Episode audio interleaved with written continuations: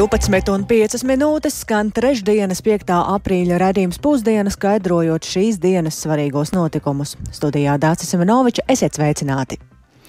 Saima šodien galīgajā lasījumā lemj par valsts aizsardzības dienesta likumprojekta un tā pavadošo likumprojektu pieņemšanu galīgajā lasījumā.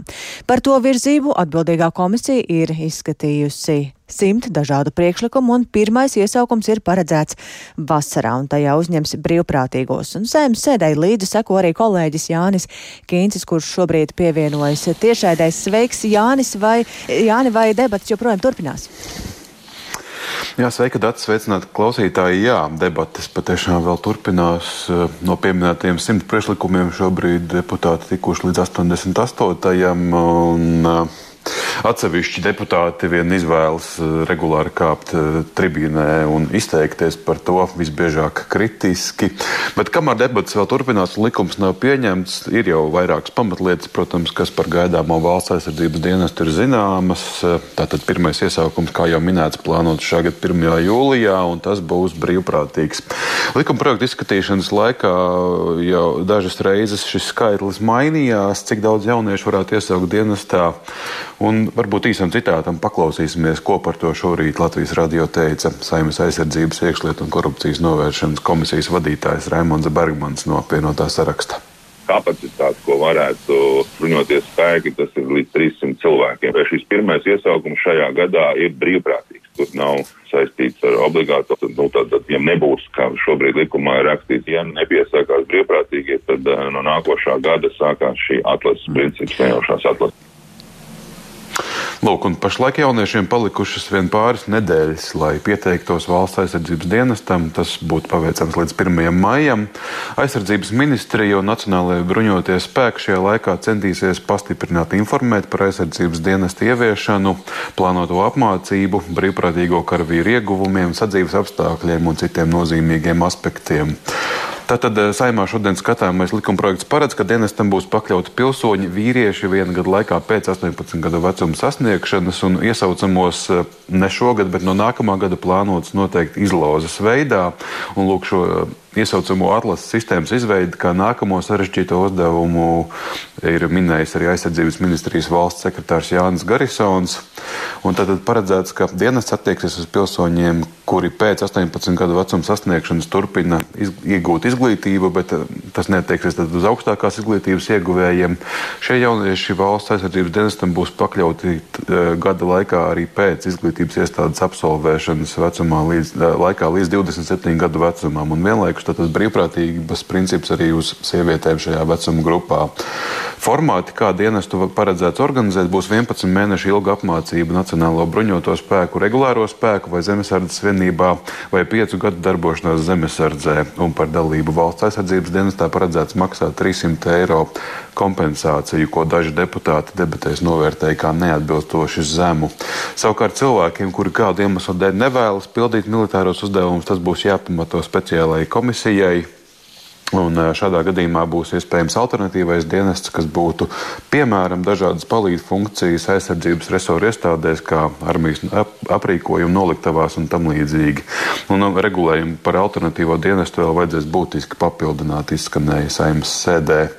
Un viens no jautājumiem, par ko deputāti ieslīga debatēs, bija par paredzēto kriminālu atbildību, izvairoties no dienesta un aizsardzības ministrijas parlamentārais sekretārs Jānis Eglīts kādā brīdī kāpa tribīnē, lai paskaidrotu ka krimināla atbildība paredzēts piemērot par konkrētām rīcībām, tādām kā tīšiem miesas bojājumiem, lai izvairītos no dienesta par veselības problēmu simulēšanu vai dokumentu viltošanu. Un vienlaikus Valsts aizsardzības dienesta izveidi daži deputāti novērtēja arī kā papildu milzu slogu bruņotajiem spēkiem, jo dienestā iesaukto apmācībai vajadzēs daudz laika un resursu. To pauda, piemēram, deputāts Edmunds Ziltniņš no Latvijas pirmajā vietā frakcijas. Paklausīsimies arī viņa teikto. Armijai tiks uzkraut virsū papildus pienākumi, un tas nekādā mērā nenodrošina un nepastiprina mūsu ārējo drošību, un tā skaitā arī iekšējo drošību. Tagad paklausieties, pati sāls. Šo virza politiķi, šo likumu. Šo likumu nevirza armija mūsu. Un tad, kad es runāju ar armiju, ar pulkvežiem, ar ģenerāļiem, Viņi saka, bet mums jau nav citas iespējas, jo mēs nevaram savādāk piesaistīt, jo politiķi nevar izdomāt citu mehānismu. Šis mehānisms nav pareizs. Iepriekš saimnes komisijā arī ilgstošas debats bija par to, vai dienestam pakļaut ārzemēs dzīvojošos Latvijas pilsoņus vecumā no 18 līdz 27 gadiem. Un pašlaik likuma projektā paredzēts, ka tas notiks no 2027. gada. Bet, piemēram, par šo jautājumu deputāti saimnes sēdē pagaidām vēl nav debatējuši. Tad tādu apkopojumu par to, par svarīgākajiem aspektiem šajā jautājumā izstāstīsim arī programmā pēcpusdienā. Paldies tev, Jāni. Tātad debatas saimā par šo jautājumu pat labāk vēl turpinās, un, kā es skatos, tad deputāti ir tikuši līdz 91. priekšlikumam no 100. Tikmēr dienesta vajadzībām paredzēto informāciju plāno padarīt par valsts noslēpumu. Tā konceptuāli ir lēmusi saima. Turklāt lielāko neizpratni rada tas, ka likuma grozījumiem ir noteikta steidzamība. Deputāti aizbildinās ar ģeopolitisko situāciju, kas pieprasa dinamisku rīcību, tikmēr žurnālisti ir satraukti, ka tādā gadījumā mazinātos jebkāda atklātība un sabiedrības informēšana.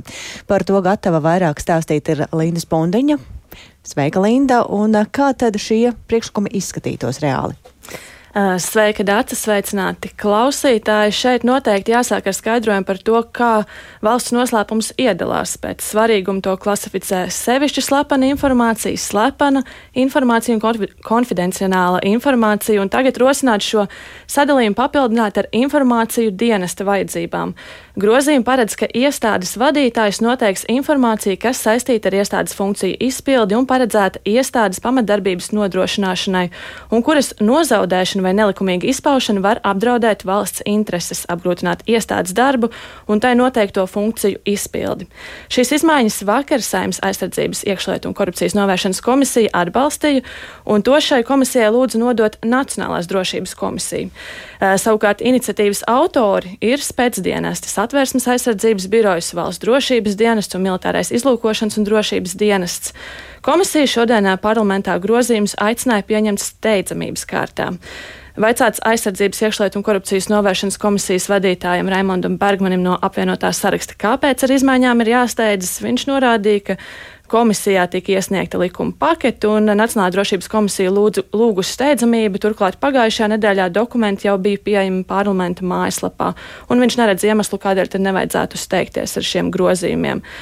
Nacionālās drošības komisijas vadītājs Jānis Dombrau no Nacionālās apvienības skaidro, ka steidzamību pieprasa jau, kā arī tu minēji, ģeopolitiskie apstākļi un nepieciešama dinamiska rīcība. Par to, kāpēc vispār izmaiņas ir vajadzīgas, varam paklausīties īsā Dombraus skaidrojumā. Pamatā ir ministra kabineta lēmums izvērtēt informāciju dienestu vajadzībām, normatīvo regulējumu un izstrādāt priekšlikumus efektīva regulējuma izveidēji, kā arī Nacionālās drošības padomē secinātais, ka šobrīd spēkā esošais ministra kabineta noteikumu regulējums ir novecojis, neatbilstoši šā brīža ģeopolitiskajai situācijai un ir pilnībā pārskatāms.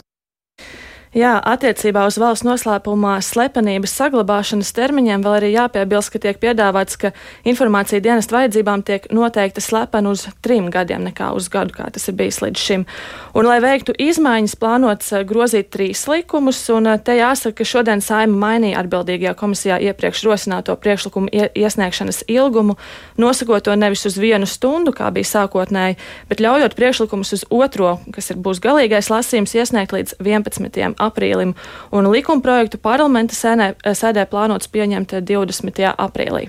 Bet mēs jau pieminējām, ka par šīm izmaiņām žurnālisti nav sajūsmā. Ko saka mūsu kolēģi? Jāteic, ka ne tikai nav sajūsmā, bet uh, gan ceļ trauksmi, jo uh, jau līdz šim ir bijis tā, ka iestādes bieži vien izmanto reizēm pat arī nepamatotus argumentus, atsakoties sniegt informāciju žurnālistiem. Un, uh, dažreiz arī atrunājās ar datu aizsardzību, vai tas ir komerc uh, noslēpums, taču šeit ir pamats, ka uh, ir tiešām bažām pamats, un varam paklausīties, ko par šo saka arī Latvijas žurnālistu asociācijas pārstāve Zana Mača. Šie likuma grozījumi valsts pārvaldība pēc mūsu domām varētu padarīt vēl mazāk atklātu Un eh, mēs bažījāmies, ka praksē tas var nozīmēt to, ka iestādes var zem valsts noslēpuma palikt nu, visu, ko viņi nevēlas kāda iemesla dēļ atklāt. Nu, kas, protams, diezgan nopietni apgrūtinātu žurnālistu darbu, jo tas nozīmē, ka šī piekļuve nebūtu iespējama ne tikai žurnālistiem, bet arī vispār NVO un nevalstiskām organizācijām kā tādām. To visticamāk nevarētu arī tiesas ceļā pieprasīt, ko mēs šobrīd varam, ja nu, saziņā ar iestādi tas nav izdevies. Jā, nu tas mazinātu jebkādu atklātību un sabiedrības informēšanu, jo žurnālisti iestādēm informācija jau uh, nepieprasa savas privātās ziņkārības dēļ, bet gan lai informētu sabiedrību par procesiem un skaidrotu lietas, kuras kāds mēģina noslēpt. Arī domnīcas uh, providus direktora Iveta Kažoka, iepazīstoties ar likumprojektu anotāciju, neredz iemeslus, kādēļ vispār uh, tos vajadzētu pieņemt šādā steigā, un nav skaidrs, kāpēc, tik būtisku, kāpēc pie tik būtiskiem grozījumiem nav iesaistītas organizācijas organizācijas un institūcijas, kuras skaidro, kā valsts pārvalde strādā, vai tā ir godīga vai efektīva arī savus līdzekļus izlieto. Bet liedzot šo piekļuvi, tas vairs nebūtu iespējams, un tad varam paklausīties Kažokas sacītajā. Un, ja es pareizi saprotu, nebūs arī tiesu uzraudzības par to, cik pamatoti tad iestāžu vadītāji kādai sev par slepenu uzskatītai informācijai šādu status piešķir. Te prasījās kaut nedaudz iedziļināties un padomāt uh, par to, vai šis regulējums ir adekvāts un kā viņu uzlabot. Un tas vien, ka Sājuma uzskatīja, ka tas ir principā iespējams šāda veida regulējums Sājumā pieņemt, un principā vienas dienas laikā mani pārsteidz, jo tas nav tas tas parastais stils, kā strādā šī saima vai iepriekšējie saima sasaukumi. Bet jau, kā sacīja, tad vienas dienas laikā šos, šīs izmaiņas eh, nepieņēma, un tad jau līdz 20. aprīlim skatīsimies, kas būs tālāk. Bet nu, iestādes aicina tad, ja šajā diskusijā vēl iesaistīt arī Tieslietu ministriju un uh, organizācijas. Paldies Lindai Spundiņai par šo skaidrojumu par izmaiņām, kuru pieņemšanas gadījumā tātad ir bažas par informācijas pieejamību. Amerikas Savienoto Valstu bijušais prezidents Donalds Trumps beidzot ir stājies tiesas priekšā Ņujorkā un noliedz viņam visas izvirzītās apsūdzības. To bija vairāki desmiti, tā skaitā viņa apsūdz par klusēšanas naudas maksāšanu porno aktrisei. 74 gadus vecais Trumps uzskata, ka tie ir centieni izjaukt viņa kandidēšanu uz prezidenta amatu nākamā gada ASV prezidenta vēlēšanās, un Trumpa advokāti apsūdzībām nesaskata nopietnu pamatu un ir solījuši, ka turpinās censties apturēt lietas virzību tiesā un plaš, to plašāk Rihards Plūme. Manhetenas tiesā Donalds Trumps ieradās vakar pēcpusdienā pēc vietējā laika. Lai gan medijiem bija ļoti ierobežotas iespējas procesu iemūžināt, tomēr uzņemtās fotogrāfijas liecina par to, ka Trumps bija manāmi drūmā noskaņojumā. Sākotnēji viņam tika noņemti pirkstu nospiedumi un tika veiktas arī citas nepieciešamās procedūras, bet pēc tam viņš devās uz tiesas zāli, kur tika nolasītas krimināla apsūdzības 34 punktos. Trumps noliedza vainu sev izvirzītajās apsūdzībās. Bijušais prezidents tiek apsūdzēts uzņēmēja darbības dokumentu viltošanā, no kuriem daži esot sagrozīti saistībā ar nodokļiem.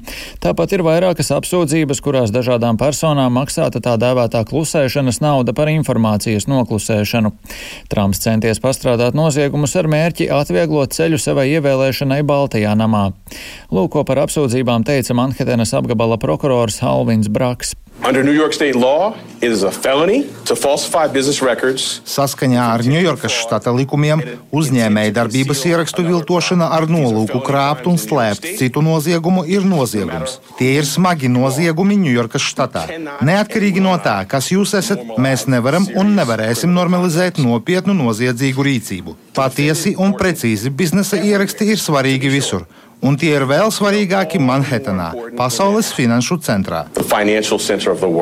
Pēc aptuveni stundu ilgās tiesas sēdes beigām Trumps tika atbrīvots, nenosakot nekādus ierobežojumus. Līdz ar to viņš atstāja tiesas namu, nekādus komentārus nesniedzot. Taču vēlāk, kad ieradās Floridā, uzrunā atbalstītājiem viņš nosodīja apsūdzības un uzsvēra, ka prokuratūra cenšoties izjaukt viņa kandidēšanu uz prezidenta amatu nākamgad gaidāmajās vēlēšanās like could happen in America. Never thought it could happen. The only crime that I have committed is to fearlessly defend our nation from those who. Es nekad nedomāju, ka kaut kas tāds varētu notikt Amerikā. Nekad nedomāju, ka tas varētu notikt. Vienīgais noziegums, ko esmu izdarījis, ir bezbailīgi aizstāvējis mūsu tautu no tiem, kas cenšas to iznīcināt. Vietējais neveiksmīgais apgabala prokurors pirmo reizi vēsturē izvirzījis apsūdzību bijušajam ASV prezidentam. Pamatojoties uz to, kā teica katrs eksperts un juridiskais analītiķis, te nav lietas satura. Nav. Praktiski visi to turpināja teikt. Visi teica, ka tā nav apsūdzība. Šeit nekā nav. Man advokāti atnāca pie manis un teica, šeit nekā nav un viņi pat nesaka, ko jūs esat izdarījis. Jāpiebilst, ka Trumps arī nosodīja vēl citas izmeklēšanas, kas pret viņu joprojām tiek veiktas. Trumpa advokāti uzskata, ka apsūdzības ir vai nu vāji pamatotas, vai nav pamatotas vispār, un ir apņēmīgi tiesas procesu izbeigt iespējami ātri. Turpina viens no Trumpa advokātiem Džo Takopina. Šo apsūdzību atklāšana norāda uz to, ka likuma vara šajā valstī ir mirusi, jo neviens nav zem vai virs likuma. Bet, ja šī vīrieša vārds nebūtu Donalds Trumps, mēs uz šādu apsūdzību pamata šodien šeit neatrastos atrastos. Sagaidāms, ka nākamo reizi Trumps tiesā parādīsies decembra sākumā, kad tuvosies prezidenta vēlēšanu kandidātu izvirzīšanas laiks. ASV likumi neaizliedz apsūdzētai vai pat notiesātai personai kandidēt uz ASV prezidenta amatu, taču tiesas process varētu apgrūtināt Trumpa kampaņu. Pašlaik gan tas ir pat veicinājis Trumpa popularitāti republikāņu vidū. Jaunas aptaujas dati liecina, ka 48% republikāņu gribētu, lai Trumps ir viņu partijas kandidāts ASV prezidenta prezidenta vēlēšanās. Martā viņu atbalstīja 44% republikāņu. Rihards Plūme, Latvijas radio. Tik tālu par notikumiem ASV, bet atgriežoties pašmājās, tad Ukrainas civiliedzīvotāju atbalstam šogad valdības piešķirtais finansējums pašvaldībām ir ievērojami samazinājies vidēji par 40% mazāk mēnesī nekā pērn, un tas saistīts ar to, ka mazinās arī Ukraiņu bēgļu plūsmu un līdz ar to arī mazāk tēriņu. Un Reizeknē šis finansējums ir sarucis vēl būtiskāk par 87%. Vai ar to pietiek par to Lauras Ieviņas ierakstā? Rēzeknes novads teritoriāli ir viens no lielākajiem novadiem Latvijā.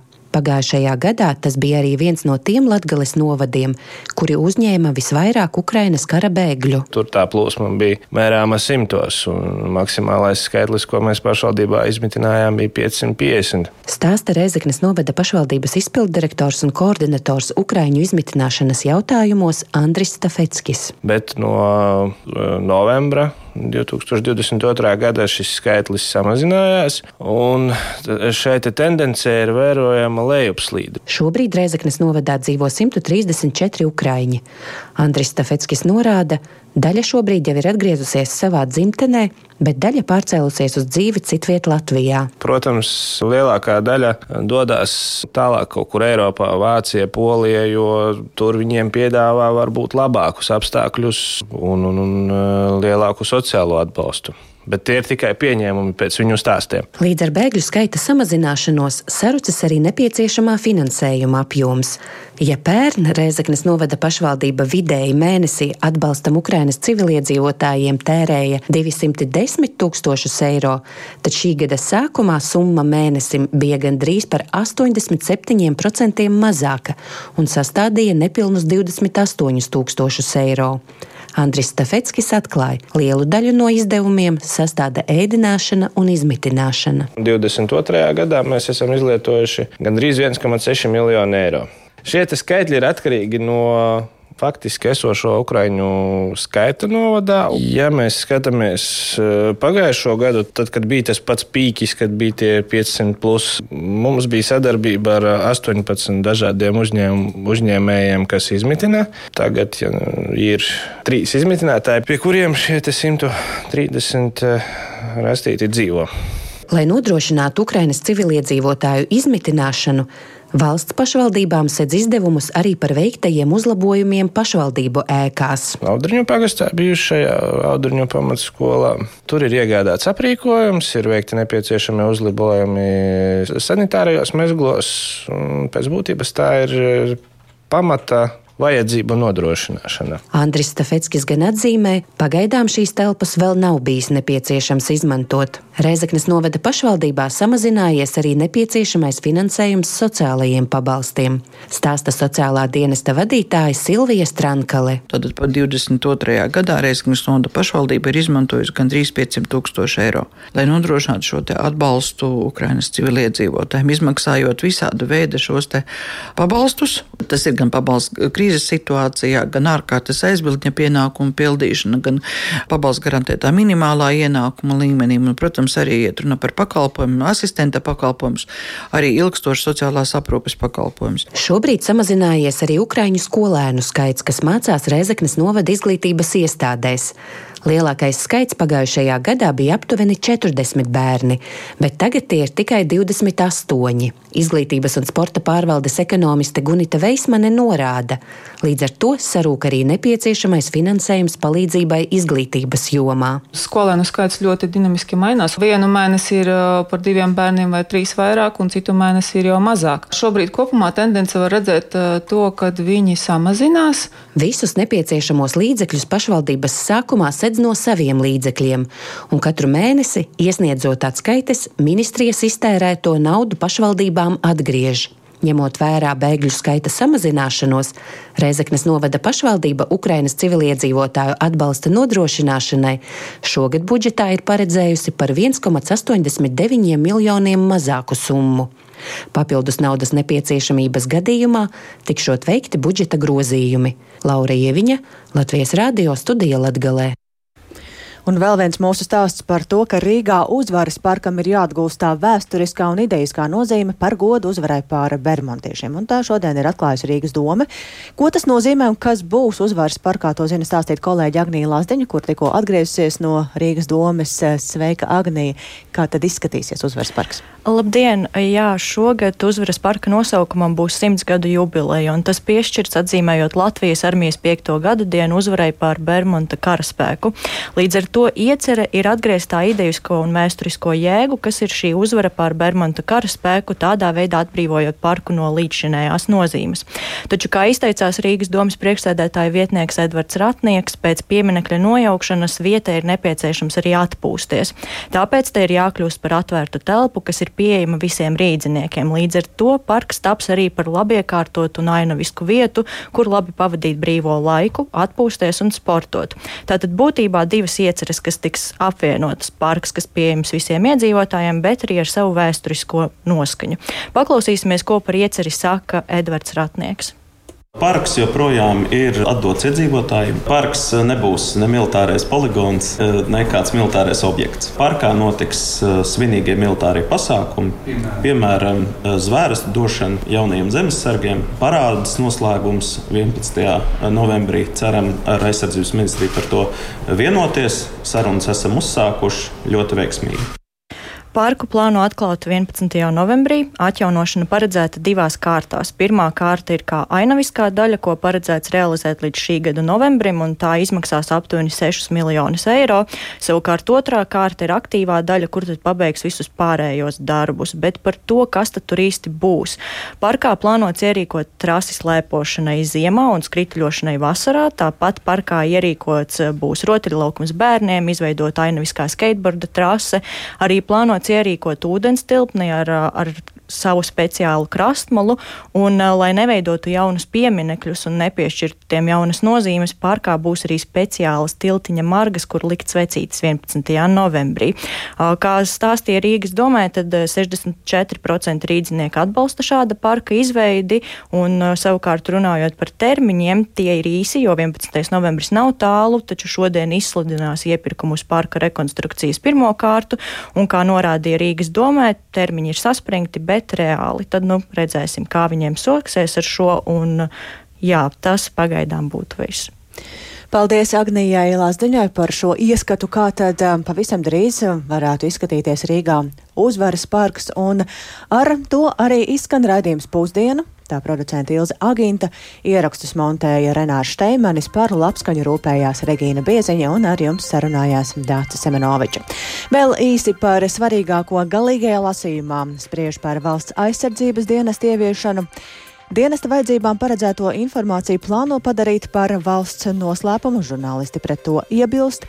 Trumps tiesā noliedz vainu apsūdzībās saistībā ar klusēšanas naudas maksāšanu, un eh, līdz ar Ukrainas kara bēgļu plūsmas mazināšanos arī Rezeknes novadā sarūk tēriņi.